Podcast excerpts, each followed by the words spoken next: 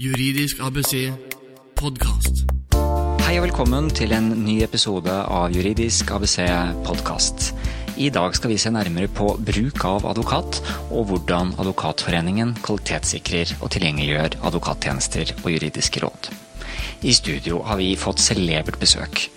Hun har tidligere arbeidet både i Justisdepartementet, som advokat og vært dommer i tingrett og lagmannsretten. Siden 2003 har hun vært generalsekretær i Advokatforeningen. Velkommen hit til oss, Merete Smith. Tusen takk for at jeg får komme. Eh, veldig hyggelig å ha deg her. og Jeg tenkte vi bare skulle begynne med et lite overblikk over Advokatforeningen som du representerer. Kan du kort presentere foreningen? Eh, hvor mange er dere? Når ble den stiftet? Advokatforeningen er litt over 100 år gammel. Den ble stiftet i 1908. Vi har eh, omtrent 8000 medlemmer som er advokater og advokatfullmektiger. Og det er over 90% av advokatene i Norge.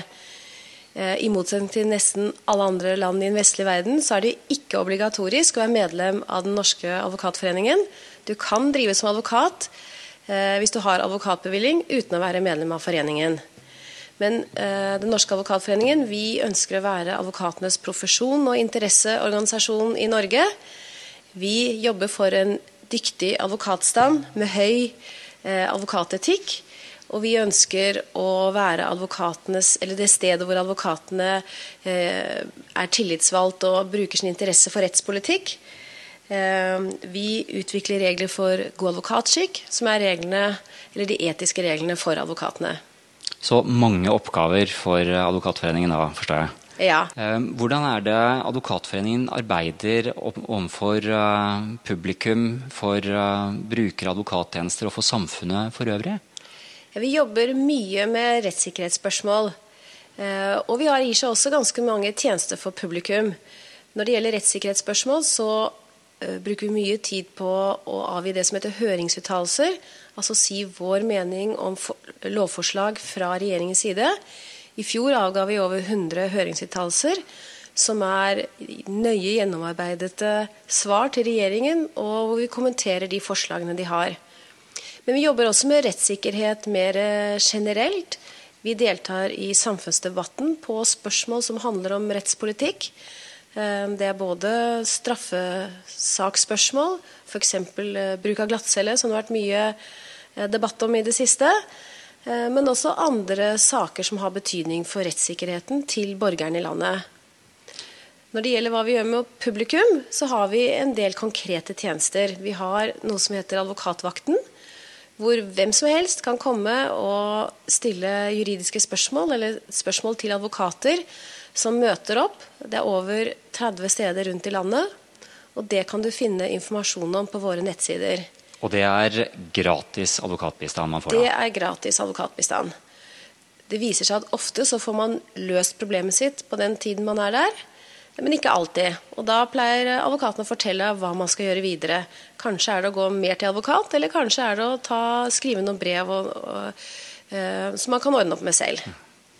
Og så har vi også en, uh, et nettsted som heter advokatenhjelperdeg.no. Eh, her har vi prøvd å legge til rette for at man skal kunne eh, delvis lese seg opp på juridiske spørsmål. At man skal kunne eh, finne fram til riktig advokat. At man skal kunne forberede seg godt før man går til en advokat. Men også at man kan stille konkrete spørsmål til en advokat på nettet. Og Vi kommer til å legge ut en lenke på juridiskabc.no også, hvor vi lager en egen, for, en egen, side for denne episoden med lenke til eh, advokatenhjelperdeg.no, for de som mot formodning ikke skulle huske den eh, enkle og greie eh, adressen. Men det er da et, også et helt gratis tilbud, hvor dine medlemmer bruker mye tid, og også din, din, stab bruker mye tid på å lage godt innhold som er tilgjengelig for publikum. Er det ikke slik? Jo, det er riktig. og vi er, eh, Dels så har vi noen sider hvor du kan uh, lese deg opp på problemstillinger som, som gjelder deg. Uh, hvis det f.eks. gjelder noen skilsmissesak eller noe arvespørsmål, så, du, så, har vi prøvd å legge ut sider som forteller litt om Eh, om de problemstillingene man kan komme opp i, og hva som er juridiske løsninger eller juridiske problemstillinger og hjelpe deg litt til å, til å skjønne hva det handler om, og hva, hvordan man skal gå fram. Um, og dette er det brukt mye tid på å prøve å skrive på en måte som er, man absolutt ikke trenger å være jurist for å skjønne, og at det skal være forståelig, men samtidig gi god veiledning. Um, det er også mulig å ta noe som heter en juridisk risikotest. Ok, Det hørtes spennende ut. Ja, den er kanskje ikke gir kanskje ikke helt juridisk eh, riktig svar på alle spørsmål, men det er på familieområdet. Mm. Og poenget er at den, den stiller deg en del spørsmål. Um, ehm, F.eks. om du har hvis du skal gifte deg, om du har inngått en ektepakt. ektepakt mm -hmm. uh, og hvis du skal skille deg, om det er barn fra tidligere ekteskap, eller om det bare har fellesbarn, og den type ting. Mm.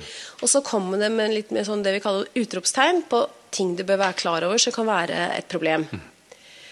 Juridisk selvangivelse da, med, med svar med en gang? Ja, en slags. Eller kanskje litt uh, mer en sånn juridisk uh, obs-liste. Ja, fantastisk. Um, og den kan være spennende, men det er klart at uh, du kan ikke bare basere deg på dem. Men med den så kan du, prøve, kan du skjønne at oi, oi, kanskje på dette området så, uh, så bør jeg undersøke litt nærmere om det er noe jeg skal gjøre for å være sikker på at, at det ikke oppstår juridiske problemer. Mm. Så vet jeg at uh, dere har også spennende prosjekter for uh, skoleungdom. Ja, vi har laget uh, et undervisningsopplegg mm -hmm. For skoleungdom som skal prøve å lære dem om hva som skjer i en rettssak. Det, det heter Rett eller galt, og man finner informasjon på det på rettellergalt.no. Det som skal skje, er at man i klassen til slutt skal spille en rettssak. Mm. Eh, og det har jeg vært med på mange ganger i forskjellige klasser og sett. Eh, og det virker eh, Eller det er kjempemorsomt, og, det, og jeg syns elevene er veldig flinke. Men undervisningsopplegget vårt er, er hele, også hele forberedelsene til rettssaken. Så man, skal da, man får tildelt roller. altså Du skal være aktor eller forsvarer, et vitne, tiltalte. og så må du forberede rollen din. Eh, og så, er, så, skal du bruke tid på å forberede dette, og da lærer du ganske mye om hvordan en rettssak mm. uh, fungerer, og hva som skjer, og uh, de ulike rollene i en rettssak. Og så, hvis du også ringer til oss, så pleier vi å få til at vi får en advokat til å komme i klassen til å hjelpe til å holde selve rettssaken. Fantastisk. Um, og vi har vært i over nå over 500 klasser rundt omkring i landet siden dette startet. Um, vi laget dette i forbindelse med 100-årsjubileet vårt i 2008. Eh, det er veldig vellykket, og vi anbefaler absolutt alle klasser til å gjøre dette.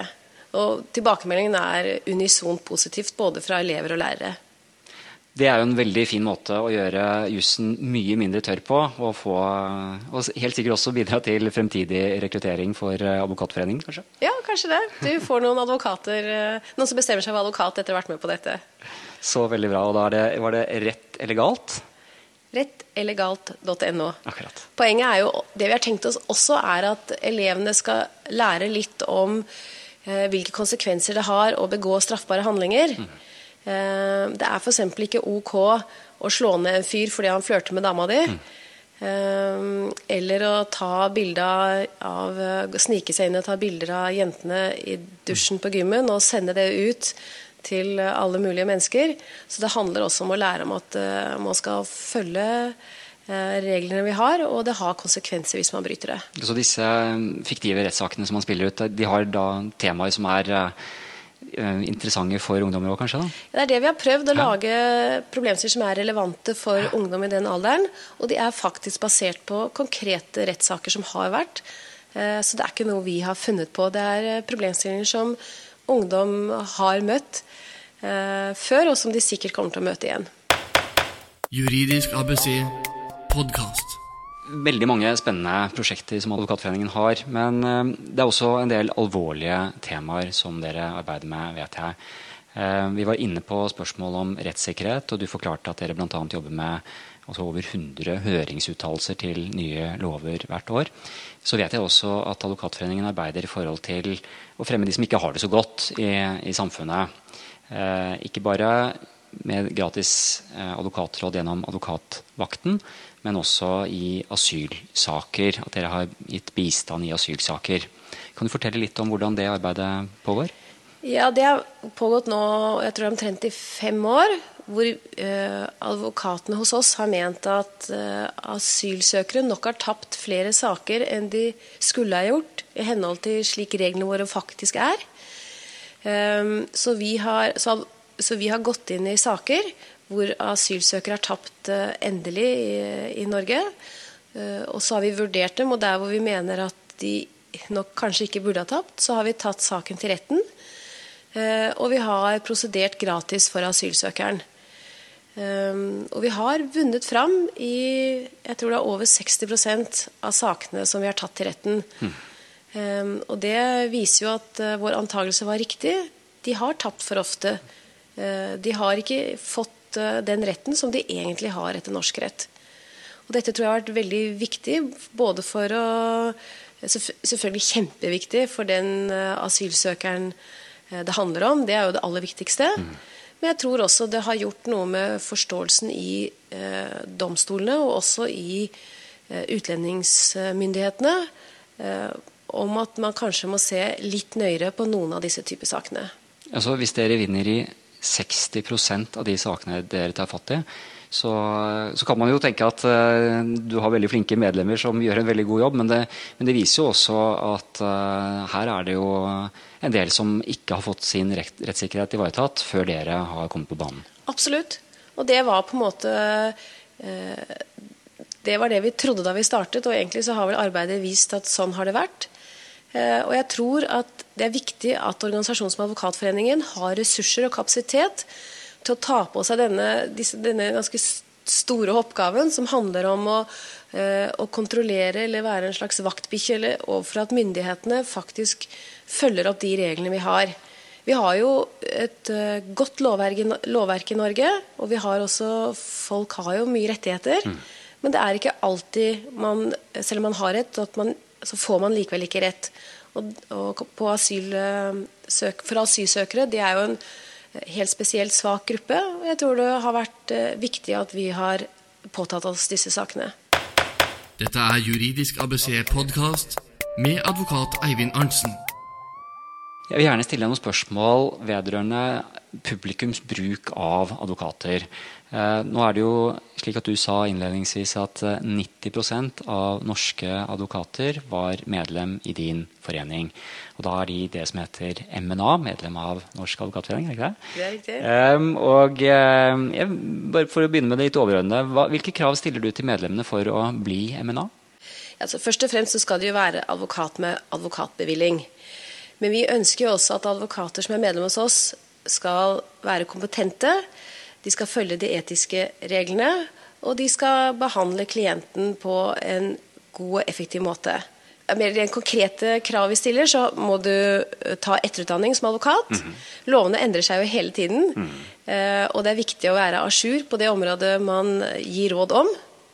Men så mer konkret så må alle advokater som er medlem i foreningen, de må gi det som heter en oppdragsbekreftelse. Mm -hmm. Og det er viktig for de som er klienter.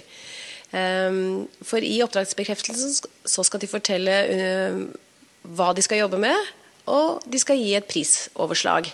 Så når en, eh, når en tar kontakt med en advokat som er medlem i din forening, eh, da er det altså krav om at vedkommende skal ha en løpende ajourføring med tanke på etterutdanning, så vedkommende er up to date med tanke på regelverket. Ja. Og at uh, når man kommer til advokaten, så skal man få en oppdragsbekreftelse som beskriver hva advokaten skal gjøre for deg, og hvordan arbeidet utføres. Og kanskje sier noe om pris. Er det slik? Ja, det er riktig. Um, og i forhold til det med pris, så kan det tenkes at det blir dyrere enn det advokaten opprinnelig sa, men da skal advokaten si fra om det og begrunne hvorfor det blir dyrere. Mm. Og En av grunnene til at det kan bli dyrere, er f.eks. Hvis, hvis man er i en konflikt da, og man har en motpart, og så bringes det opp masse eh, ting fra motpartens side som må besvares, og det hadde man kanskje ikke tatt med i kostnadsoverslaget, så kan det bety mer arbeid, og det kan bety større omkostninger. Eh, men det må advokaten da si fra om. Eh, men det som jeg syns er viktig eh, for en klient å vite, det er at nesten det viktigste tipset, det er at møt forberedt til advokat. Ja. Ikke bruk advokaten som din sekretær. Mm. for det skjer nok ikke sjelden at en klient kommer til advokaten med alle dokumentene liksom dyttet ned i en plastpose, og så ber advokaten rydde opp i det. Og det er klart at det kan en advokat gjøre, men det er dyrt. Så um, vær forberedt. Uh, ta gjerne også uh, bruk uh, flere dager på forhånd. tenk igjennom hva er det du skal spørre advokaten om. Um, finn fram, eller Skriv gjerne kanskje liksom ned en sånn punktvis liste over hva som har skjedd i saken. Veldig godt tips. Start med begynnelsen, og fortsett videre. ikke sant? Når begynte problemet? Hva handlet det om? Eh, hvis det gjelder f.eks. For i forbindelse med kjøp av eiendom, når kjøpte du den? Eh, hvor mye kjøpte du den for? Salgsoppgaven. ja, og så er det nettopp det. Finn fram alle relevante dokumenter. Absolutt alle. Og ikke uteglem ett eneste ett. For det som noen ganger skjer, det er at eh, man kommer til advokat, og så ser advokaten på dette og så sier ja, da må det være sånn og sånn, og da gjør vi sånn og sånn. Men så viser det seg ettertid at det var nemlig et veldig viktig dokument som ble glemt. Og som gjør at situasjonen ser helt annerledes ut. Og da må advokaten gjøre alt arbeidet på nytt. Og det er klart, Da blir det dyrere enn hvis advokaten setter seg ned med all relevant informasjon, alle relevante dokumenter, og arbeider med, fra minutt én på en effektiv måte. Så det kan ikke sies nok. Møt forberedt til møte med advokaten. Veldig bra. Og eh, så er det vel også viktig å gi, som du sier, eh, alle dokumentene, men også hele historien til advokaten. Så det ikke er noe, noen skjeletter som faller ut av skapet etter hvert som man kommer eh, nedover i saksbehandlingen. Ja, det er veldig viktig. Eh, og det skjer nok dessverre også ofte. Det er, men det er ikke noe vits i å pynte på historien til advokaten. Han eller hun har taushetsplikt og vil ikke fortelle videre det som, annet enn det som du vil at skal bli fortalt videre. Og nettopp hvis det er noen eh, uheldige omstendigheter, så er det viktig at advokaten får vite om det, for det er jo relevant for hvordan man skal gripe saken an. Og den taushetsplikten den er eh, meget streng. Det er, det er jo slik at det er straffbart for en advokat å fortelle noe om det man har hørt fra klienten. Det er riktig. Det er en veldig streng taushetsplikt. Og som klient så, kan, så bestemmer du hva advokaten skal si videre, og hva advokaten ikke skal si videre. Juridisk ABC podkast. Mange har vel en forestilling om at eh, det er eh, voldsomt dyrt å gå til advokat.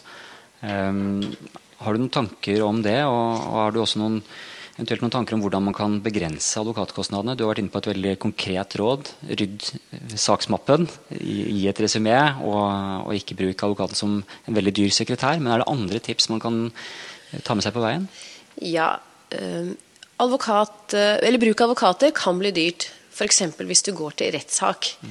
Eh, en rettssak er tidkrevende og arbeidskrevende og, vil som regel bli veldig dyr.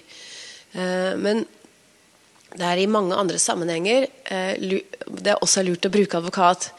Eh, vi sier ofte at det er lurt å bruke advokat forebyggende før en strid eller en tvist oppstår.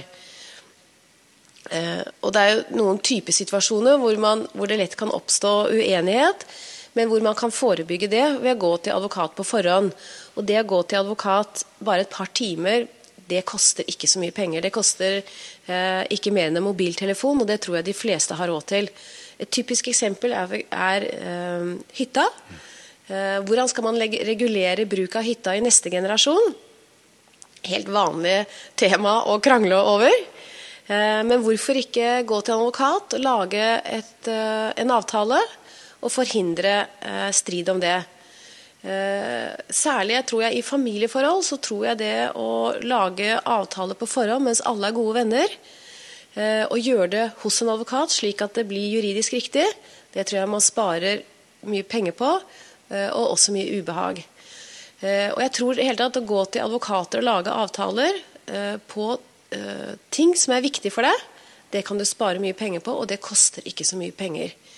Eh, Jeg mener Å gå tre-fire timer hos advokat er ikke veldig dyrt. Så jeg tror at folks eh, terskel eh, for å gå til advokat er for høy. Man har lest uh, i avisen at det, liksom det koster titusener av kroner med en gang man møter opp på et advokatkontor. Det er ikke riktig. Uh, så jeg tror at mange flere bør gå til advokat, og gå til advokat i sånn forebyggende øyemed. Og det man da bør gjøre når man kommer til advokat, er før advokaten begynner å jobbe, så bør du si hvor mye koster dette? Be, be om å få et anslag. Og be også om å spørre hva skal til, eller hva, hvilke omstendigheter kan gjøre at dette blir dyrere. Så da får du også vite det. Eh, og da har du kontroll på kostnadene. Jeg tror det er uh, veldig viktig det du peker på der. Når vi spiller inn dette, så er vi da i juli 2014. Og uh, podkasten kommer ut nå i sommer. Jeg håper at mange hører på den i sommer. Og uh, i forhold til hytte, familie, alle disse tingene som man gjerne eh, diskuterer i ferier og annet, men så blir det til at hverdagen kommer, og man tar ikke tak i det. Men ditt råd er bestill den timen. Sørg for at barna ikke krangler om hytta. Eller eh, som du var inne på i sted, ektepakten. Få den ektepakten laget, så du ikke slår hardt ut på risikotesten til advokaten hjelper deg. Ja. Eh, da er eh, mye gjort. Men hvis man likevel da, eh, man, følger rådet ditt og går til advokat, og så opplever man likevel at den tjenesten man fikk fra advokaten, eh, eller den, eh, at den ikke var god nok, eller at regningen var for høy. Da vet jeg at det er visse klagemuligheter. Eh, ja, det er det. Og Kan du kort skissere hvordan man går frem da? Vi har i Advokatforeningen noe som heter en disiplinærordning for advokater. Et gammeldags navn, men en ordning som fungerer bra. Ehm, hvis man mener at en advokat ikke har fulgt eh, de etiske reglene, det som heter regler for god advokatskikk, eller hvis man mener at advokaten har tatt for mye betalt i forhold til den tjenesten man har fått, så kan man klage på advokaten hos oss. Det koster ikke noe, det er gratis, og det er heller ikke veldig vanskelig å gjøre det. Det som kreves, er at man uh, forteller hva som har skjedd, uh, gir navnet på advokaten, og så må man undertegne og sende det inn til oss. Det er det som kreves. Um, så, og vårt råd er at hvis du mener at advokaten uh, har brutt etiske regler eller har tatt seg for mye betalt, så bør man klage på advokaten. Forhåpentligvis så uh, er det ikke noe som skjer for ofte, men da har man i hvert fall den sikkerheten hvis uh, det skulle være noe å utsette på tjenesten også. Ja. Du hører Juridisk ABC podkast. Helt til slutt uh, Merete Smith, så vil jeg gjerne stille deg et spørsmål. Um, alle bransjer er i utvikling. Og det gjelder helt sikkert også for advokatbransjen. Um, vi har en forestilling av uh, advokaten som sitter bak sitt uh, tunge skrivebord uh, og lager kontrakter eller setter opp ektepakter. Men hvordan, hvordan, er utviklingen for advokatbransjen? Ser du noen endringstendenser? Og, og har man noen tanker om hvordan advokatvirksomhet vil drives i fremtiden? Altså jeg tror jo at fremtiden har bruk for advokater, og egentlig i stadig større grad. Eh, fordi vi, eh, eh, den norske befolkningen, vi, får stadig mer formue. Vi blir rikere, vi eier flere ting. Samtidig så skiller vi oss oftere, og da vi gifter oss igjen, og da er dine og mine barn. Det kommer også flere rettsregler. Det blir mer komplisert i livene våre. Og alt dette gjør nok at mange kan ha bruk for en advokat. Men jeg tror nok at advokater også må innstille seg på i større grad å gi mer fastpristilbud. Mm. Nå er det vanlig i hvert fall Det mest vanlige er nok at advokater tar betalt per time, men mer og mer så må de gi et fastpristilbud, særlig for tjenester som eh, er mer standardiserte. Eh, og det vil de ofte være i familieforhold og, og når det gjelder fast eiendom som hus og hytte. Um, og så tror jeg nok at uh, advokatene de kan nok bli enda mer serviceinnstilt enn de er i dag. Uh, tenke på at de har klienter som de skal gi en god tjeneste til. Um, så jeg tror at det er de advokatene som klarer det. Uh, de vil også klare seg fint i fremtiden. Juridisk ABC podkast. Hvordan finner man frem til en advokat? På advokaten eh, hjelper så har vi en tjeneste hvor vi har forsøkt å bidra med hjelp der. Det heter rett og slett Finn advokat. Ehm, vi har bedt advokatene fortelle oss eh, hva de er best på. Ehm, og det er angitt eh, på nettstedet. Så da kan du søke opp etter ulike kriterier, både etter hvor i landet du vil ha en advokat, hvilke områder eh, du vil ha en advokat på. Er det f.eks. For i forbindelse med jobb, er det i forbindelse med skilsmisse, eller er det i forbindelse med andre ting.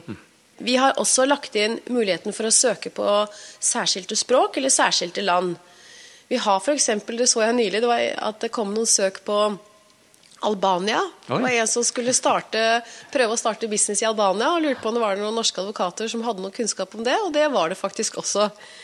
Eh, men det, det er både et enkeltsøk og et avansert søk, eh, hvor du kan finne fram til advokat. Så er det spørsmålet er det, advokaten for deg. Eh, det er ikke alltid så lett å svare på, men mitt råd også her er ringe opp eller møte opp, og så forteller du hvilken problemstilling eller hva du trenger hjelp til, og så spør du advokaten har du jobbet med det før. Godt spørsmål. Uh, og hvis han ikke har jobbet med det før, da tror jeg du bør finne en annen advokat. Du bør absolutt ha en advokat som har jobbet med det, akkurat det problemet du har, som har jobbet med det før.